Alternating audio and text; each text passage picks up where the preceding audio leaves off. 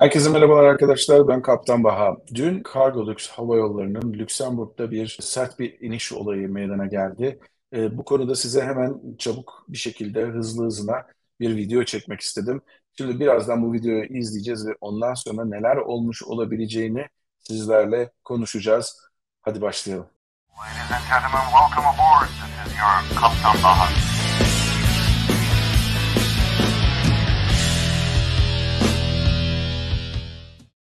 Herkese merhabalar arkadaşlar. Ben Kaptan Baha, Bahadır Acuner. Yepyeni bir Kaptan Baha videosunda biraz da normal program e, saatlerimizin, günlerimizin dışında e, sizlerle beraberiz. Çünkü dün Cargolux Hava Yolları'nın Dubai'den Lüksemburg'a sefer yapan uçağında bir 747-400'ünde bir gerçekten de inişin son derece çok iyi çekildiği ve kötü bir iniş sonucunda uçağın zarar gördüğü bir videosunu e, internette izledik.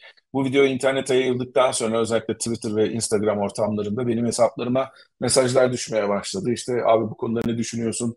Sen olsaydın nasıl inerdin vesaire vesaire diye. Ben bu konularda her zaman söylediğimi tekrar söyleyeceğim size.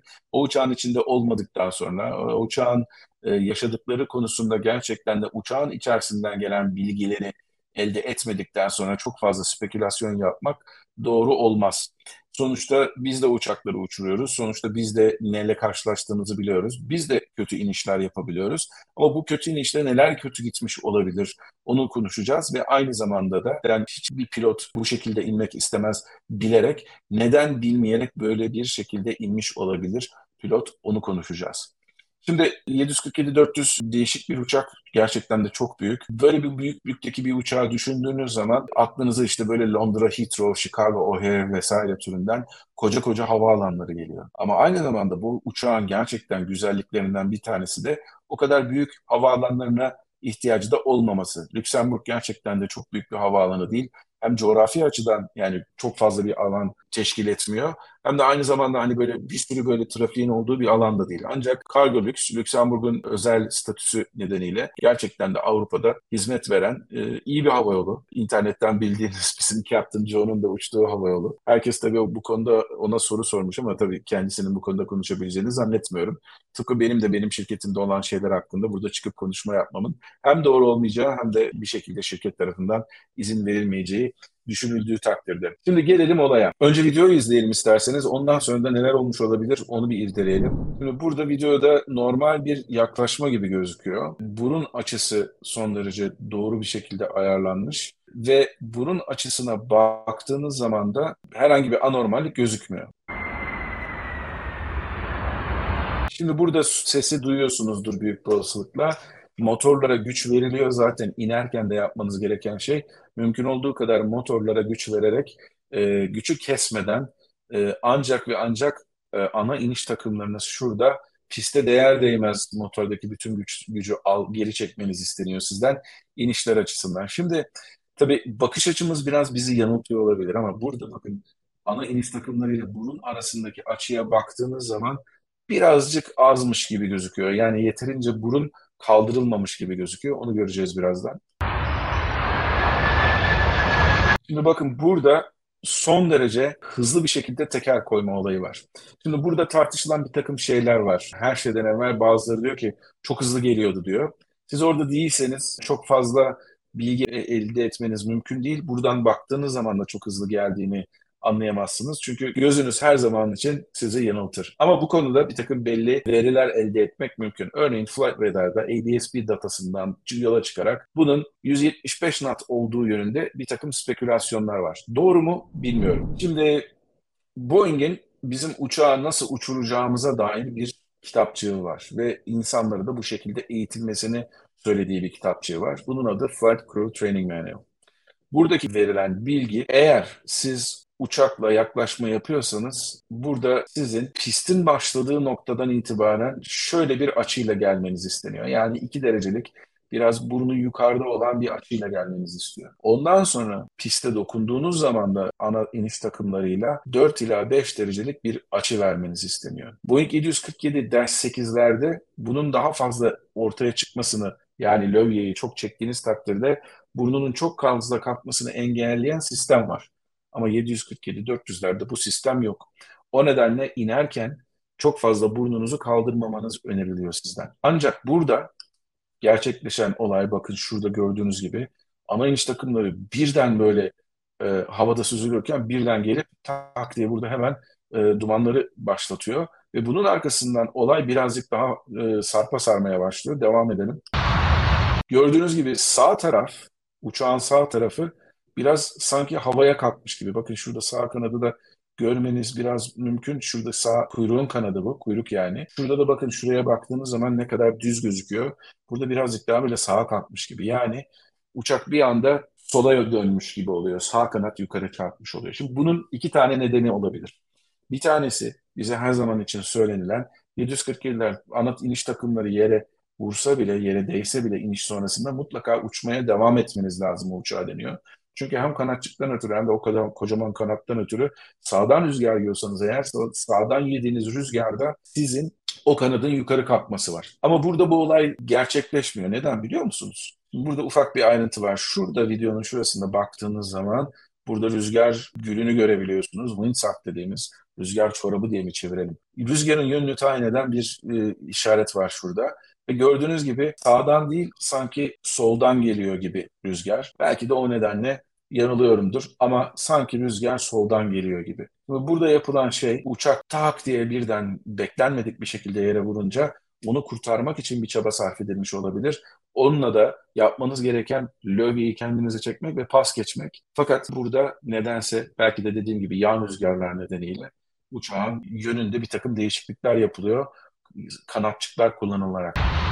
Burada burun eziliyor. Burun bir kere çarpıyor. Bakın burada burnun çarpmasının dumanını görüyorsunuz. Şurada ground spoilerlar kalkmış durumda. Yani ben indim diyor uçak. Ve burada otomatik olarak spoilerlar kalkar ve kanattaki kalkış gücünü kaybettirir size. Fakat bunu yaptıktan sonra burada bakın tekrar bir sağ yalpalama var. Uçak tekrardan sola birazcık yalpalıyor ve spoilerlar inmiş durumda. Bununla nedeni pas geçmeye karar veriliyor. Gaz kollarını açtığınız zaman da bunlar otomatik olarak da kapanırlar. Uçak pas geçiyor. Bu motorların sesini de duymak mümkün burada. Daha sonra uçak pas geçtikten sonra da 4000 fite tırmanıyor. Tekrar dönüp bundan sonra inecek. Bu videoya tekrar bakmanız mümkün.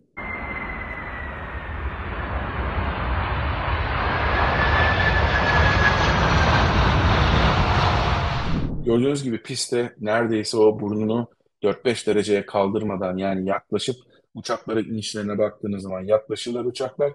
Ondan sonra burunlarını birazcık daha kaldırıp o inişi ortadan kaldırmak, o iniş varyosunu azaltmak amacıyla yumuşak bir şekilde piste konmak için çaba sarf ederler. Tabii bu bir yolcu uçağı yumuşaklığında olmayabilir. Aslında sizden istenilen de sert bir şekilde inmenizdir Flight Crew Training Manual'da. Dolayısıyla burada sert bir iniş var ama bu sert iniş uçağın burnunu kaldırmamasından ötürü gerçekten de uçağın zıplamasına ve burnunu vurmasına yol açıyor. Bu durumda da yapılması gereken şey aslında pas geçmektir. Neden hızlı yaklaşmış olabilir diye bunu da bir gözden geçirelim. Şimdi burada yaklaşık olarak siz bunu gerçekten aslında uçağın bilgisayarından alıyorsunuz bu veriyi ama şu iniş hızında işte atalım 280 tonla inse bu uçak hani öyle bir varsayalım.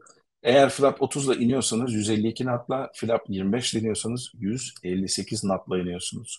Bir de bunun üzerine rüzgar gününü de gördük birazcık böyle sanki rüzgarlı bir hava gibi. Eğer biraz da hamleli rüzgarda veriyorsanız, hamleli bir rüzgarda havada da uçuyorsanız bu 158'in üzerine 20 knot kadar da eklemeniz, en fazla 20 knot kadar da eklemeniz mümkün. Dolayısıyla sizin normalde 158 knotla yaklaşırken 178 knotla yaklaşıyor olmanız uçağın uçuş karakteristiklerini de çok etkiler ve bu nedenle de şurada eklemiş olduğunuz 20 knot'ta sizi gerçekten hızlı bir şekilde yaklaşmanıza yol açabilir. Dediğim gibi Flight Radar'da bunu 175 olarak yakalamışlar. Gerçekten doğru mudur değil midir? Ama insanların bazıları internette şey diyor, o kadar hızlı inmez bu uçak falan diye. Evet gördünüz işte elimizdeki veriler burada. İn, inebilirsiniz. Hatta hatta daha da hızlı inebilirsiniz. Eğer mesela 400 ton iniyorsanız ki 747-400'lerde onu iniyorsanız gerçekten çok kötü bir gündesiniz demektir. Çünkü e, maksimum iniş ağırlığı 302 ton civarındadır. Uçağı tipine göre değişir. Hani 302 desek burada 300 desek 20 knotla buna eklediğinizde 184 knotla bile inmeniz mümkün olabilir bu uçağı eğer çok çok dolu ve yüklü bir uçakla geliyorsanız. Dolayısıyla bu uçağın hızlı geldiği belki de doğrudur. Eğer öyleyse yapılması gereken şey uçu biraz, uçağı biraz daha tutup ondan sonra yere sabitlemeyip ondan sonra da inişi yapmaktır. Burada dediğim gibi bir de pas geçme konusunda şey var. Hani madem uçağı vurdun niye pas geçiyorsun diye bir şey söylenebilir. Aslında bu tür durumlarda Boeing bize pas geçmemizi öneriyor. İşte bunun da kanıtı geliyor. Burada da rejected landing, bulk landing konularında uh, yine Flight Crew Training Manual'da burada pas geçilmesi gerektiği söyleniyor. It's a high, hard bounce occurs. Initiate a go around. Yani siz gerçekten yukarıdan böyle düşer gibi bir şekilde bir zıplama olursa uçakta ki burada öyle bir şey gözüküyor. O zaman yapmanız gereken şey e, pas geçmeniz lazım diyor. Bir de burada pas geçmemenizi gerekirdi diyenler için de bir cevabım var. Bu durumlarda Boeing'in önerisi eğer thrust reversal'lar devreye girdiyse o zaman kesinlikle pas geçmemeniz gerekiyor. Ama onun dışında kanadın üstündeki videoda da gördüğünüz kanatçıklar kalktığı zaman bile siz gaz kollarını verdiğiniz zaman onlar tekrardan kapanıyorlar ve kanadı tekrardan uçar hale getiriyorlar. Biraz belki fazla teknik bir bilgi oldu ama birazcık da ona gidelim çünkü 747 pilotuyla her zaman için teknik bilgi konuşmanız pek mümkün olmuyor. Bu da böyle bir açıklamaydı. Umarım sorularınıza cevap vermişimdir. Hepinizin kafasında olan başka bir soru daha var. E, bu pilotlar ne olacak? Kaptan işten atılır mı? F1'e ne olur? Kaç kişi pilot vardı orada? Hepsine ne olur diye. İşten atılmaması benim en büyük dileğim. Çünkü bunlar hepsi birer öğrenme fırsatıdır. Bütün bu yapılan kazalar, bütün bu yapılan hatalar birer öğrenme fırsatıdır. Ama ben burada hiçbir pilotun da aynı zamanda uçağı bilerek tehlikeye soktuğunu zannetmiyorum. Adil kültürle yaşayan hava yollarında bu tür insanlar işlerini kaybetmezler. En kötü ihtimal tekrardan bir eğitime alınırlar ve kendilerine bu konuda tekrardan bir belki de bir simülatör seansı verilir vesaire. Ama adil olan kültürlerde pilotlar işten atılmazlar. Bu aynı zamanda bütün şirket çalışanları, bütün şirket pilotları için de bir öğrenme fırsatı olur. Bu konuda memolar yayınlanır, bilgiler verilir, bilgiler paylaşılır. Doğrusu da olan budur. Herkes doğrusunu yapıyor mu? Hayır yapmıyor. O da bir gerçek. Benden şimdilik bu kadar. Arkada görüyorsunuz paneller var. Biraz ders çalışıyorum bu arada. Başka bir Kaptan Baha videosunda, başka bir Kaptan Baha yayınında sizlerle görüşmek dileğiyle. Mutlu kalın, esen kalın ama her şeyden önemlisi sağlıklı kalın. Hoşçakalın.